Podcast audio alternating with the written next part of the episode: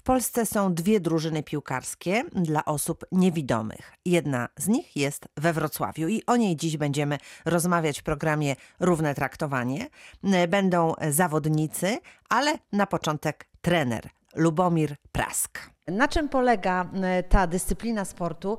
E, nie ukrywam, że wiele osób, e, gdy dowiaduje się, że osoby niepełnosprawne, niewidome grają w piłkę nożną, mówią, to jest chyba niemożliwe. Jakie są zasady tej gry, jak to, jak to się dzieje? To jest normalna piłka nożna, trzeba strzelić o jedną bramkę więcej, aby wygrać mecz. Czterech zawodników w polu z każdej drużyny ma zasłonięte oczy i są całkowicie odcięci od światła, ponieważ muszą wyrównać swoje warunki. Są osoby niewidome, ale są też osoby słabowidzące. Uczniowie szkół, różne inne osoby, które mają kłopoty ze wzrokiem, mogą uprawiać tą dyscyplinę. Wszystkie dyscypliny dla niewidomych są udźwiękowione, dlatego nasza piłka dźwięczy, szumi, dzwoni, zależy jaki producent y, co tam zrobi, tak żeby gdy ona jest w ruchu, wydawała dźwięki i można było ją zlokalizować. Są trzy osoby, które pomagają drużynie. Bramkarz pełnosprawny, u nas broni Radosław Majdan i Krzysztof Apolinarski. E, obaj to są bramkarze ekstraligowi. No wiadomo, Radosław Majdan nie trzeba przedstawiać, wielokrotny mistrz Polski i reprezentant kraju. Obok bandy stoję ja jako trener i nawiguję, kiedy piłka jest w środkowej strefie. Pomagam zawodnikom albo ją zlokalizować, albo mm, zagrać odpowiednio taktycznie. Kiedy piłka wchodzi w strefę ataku, tam za bramką przeciwnika stoi nasz nawigator i on przyjmuje komendy. Samym głosem też mówi, gdzie jest bramka, bo on stoi za bramką i nie może za bardzo się poruszać e, w żadnej innej strefie. Również dryguje, ale przede wszystkim daje sygnał, gdzie jest bramka. Można strzelać, nie można, trzeba zrobić zwód, może przegrać, podać do kogoś. Różne mamy zagrania e, taktyczne, więc to realizujemy. No właśnie, bo kiedy e, piłka się toczy, to słychać ją, natomiast gdy się zatrzyma, no to wtedy nie wiadomo, gdzie ona jest. Podobnie z bramką. Jak wyczuć ten moment, gdzie jest bramka i gdzie mamy strzelać? Tutaj jest niezbędna taka pomoc, pomoc osób, które, e, które właśnie nawigują w takich sytuacjach. Tak, inaczej nie byłoby możliwe e, prowadzenie tej, tej meczu i gry. Musi być dźwięk. Niewidomy tylko słyszy. Tak? On wszystko czyta i widzi uszami. Czy ma lepszy słuch? Nie, mam bardziej wyczulony. To jest kompensacja z braku zmysłu wzroku, ale e, nie ma, nie wiem, słuchu muzycznego albo idealnego. Nie, nie, oni są normalnymi ludźmi, jeden słyszy lepiej, drugi gorzej. Piłka dźwięczy, jak się zatrzyma, no to albo my nawigujemy, gdzie jest ta piłka, żeby ją znalazł, lub jeżeli zawodnicy nie mają mm, możliwości jednak jej y, znalezienia, podbiega sędzia, grzechocze, dotyka nogą, grzechocze nią, i szybko ucieka, bo wtedy wiadomo, że oni chcą tą piłkę przejąć. E, jest dwóch sędziów na boisku i też y, mieliśmy już taki przypadek y, w Belgii na, na e, meczu, że sędzina wpadła na zawodnika rozpędzonego, który dostał komendę, że ma tam iść. On poszedł jak y, w ciemno, tak? Wiedział, że nie ma nikt, a ona bardzo szybko biegła, przemieszczała się, była tyłem do niego i nastąpiło zderzenie, więc e, sędziowie też muszą mieć e, oczy wokół głowy i e, uważać, żeby nie, nie zderzać się z zawodnikami. Od jak dawna wrocławska drużyna działa i czy zmieniają się zawodnicy, czy to jest od dłuższego czasu stały skład? Jak to tutaj wygląda? Powstaliśmy w 2010 roku tutaj przy Szkole dla Niewidomych we Wrocławiu na Kamiennogórskiej.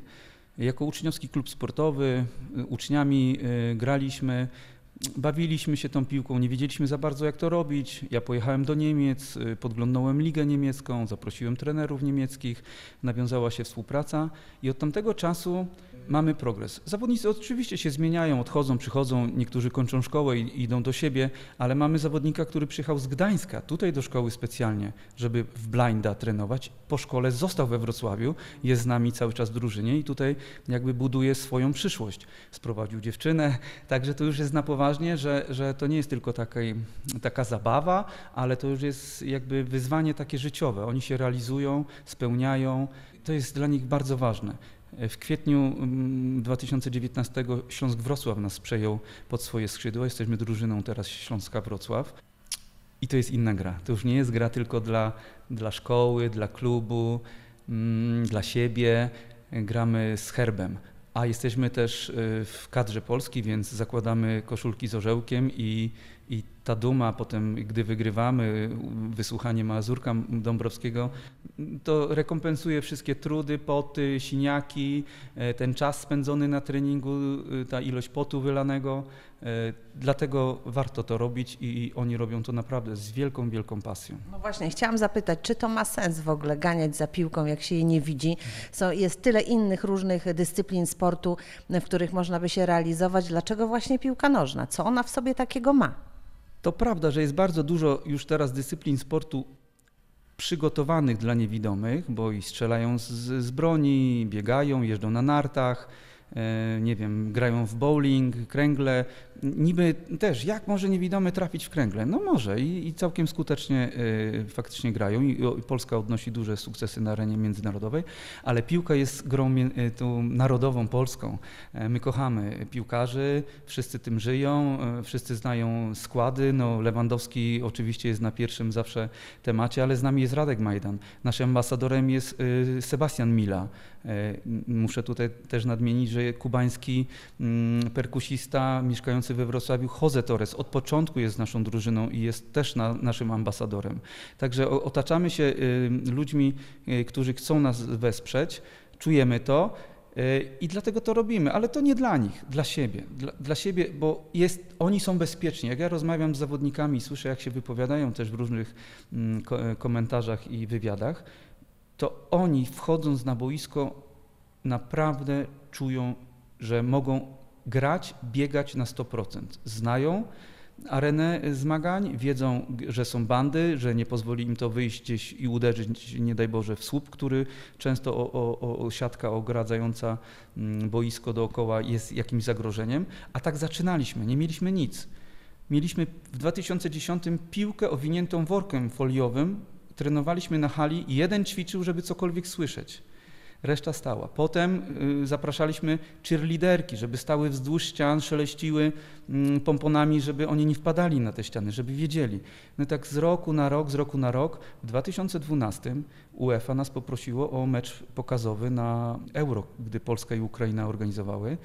Byliśmy w Gdańsku na ćwierćfinale, przed ćwierćfinałem, y, ćwierćfinałem graliśmy taki mecz pokazowy. Mm, bardzo fajnie wyszło. To nie była nasza super, y, taki teren, który znamy. Trawa naturalna, nie dla nas, wysoka. Musieliśmy założyć korki. Korki dla nas niebezpieczne, bo często jednak nie widząc stajemy sobie na nogach. Mamy zakaz gry w, w korkach. E, nie było band, no bo na murawę nie wniesiemy band, nie zniszczymy tej murawy. Ale i tak wyszło świetnie, było 3-3, e, także ta dyscyplina się bardzo rozwija. W 2015 pojechaliśmy na pierwsze Mistrzostwa Europy. Zdobyliśmy pierwsze gole, zajęliśmy dziewiąte miejsce. E, no byliśmy tak naprawdę rozpędzeni. Potem przyszły trzy lata niestety posłuchy. E, zmieniło się kierownictwo w stowarzyszeniu, które najpierw wspierało piłkę nożną i ją rozwijało. Potem trzy lata nic się nie działo. No i przeszliśmy e, pod PKPAR, czyli Polski Komitet Paralimpijski i Polskie Stowarzyszenie Sportów Niepełnosprawnych Start. No i teraz Mamy już to zabezpieczenie finansowe na treningi, na sprzęt. Śląsk Wrocław bardzo dużo pomaga, ale przede wszystkim tutaj y, ten dom, to boisko w szkole dla niewidomych, gdzie 99% naszych zawodników to absolwenci e, tej szkoły lub uczniowie. Mm, no, Radek oczywiście nie, bramkarze nie. Szkoła bardzo wspiera e, tutaj sport. Ma być ewenement na skalę chyba europejską, o ile się nie mylę, na pewno na skalę polską pierwsza klasa sportowa osób niewidomych i słabowidzących. Będą trzy dyscypliny: piłka nożna, golbal i showdown. W tych trzech dyscyplinach naprawdę osiągamy duże takie rezultaty. No, dwóch piłkarzy, którzy dzisiaj wyjdzie na mecz, e, są aktualnymi mistrzami świata. Adrian jest i drużynowym, i indywidualnym, a Łukasz Byczkowski e, jest w drużynie, złotej drużynie. Także naprawdę szkoła ma duże osiągnięcia i chcemy to promować, ściągać do nas osoby zainteresowane sportem. E, była u nas kilka, ty, kilkanaście tygodni temu pani minister sportu. Obiecała, że tak, ten projekt ma sens, że, że no mamy, mamy sens, cel, do którego trzeba dążyć, otworzyć takie klasy sportowe. Ile takich drużyn jest w Polsce? No niestety, tutaj się borykamy z dużym problemem. Są dwie i zawsze były dwie. W tej chwili jest Wisła Kraków Blind Football, ale wcześniej była drużyna z Chorzowa, bo tam jest ośrodek. Ośrodków jest 8 lub 10 w Polsce, takich, gdzie mogłyby to robić.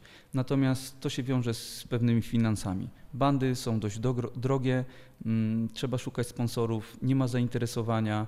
Mm, osoby też słabowidzące lub niewidome, często nauczyciele, rodzice też obawiają się tego, bo to jest sport kontaktowy, tych problemów. Myślę, że trzeba szukać zapaleńców. Tak jak ja tutaj we Wrocławiu y, y, zorganizowałem, spiąłem tych chłopaków, zaczęliśmy coś robić, nawet bez funduszy, tak? Chcieliśmy, zaczęliśmy, potem samo się to jakby rozwinęło.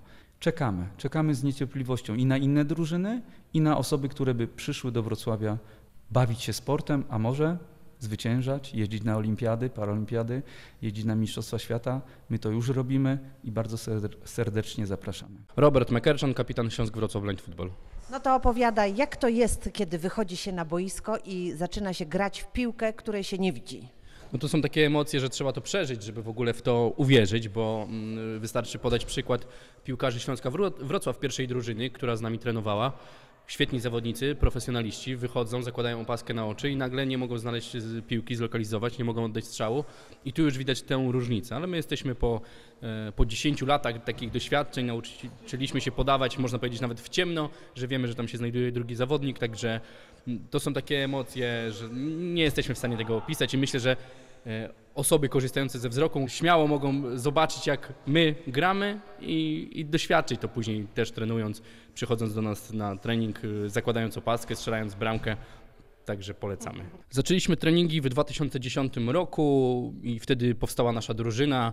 E, pierwszym naszym takim e, ważniejszym meczem, turniejem to był mecz pokazowy na Euro 2012 przed ćwierćfinałem Niemcy-Grecja. E, i musieliśmy wtedy trenować, żeby jak najlepiej się pokazać i wtedy powstały właśnie pierwsze drużyny w Polsce. Dlaczego zdecydowałeś się właśnie na piłkę nożną?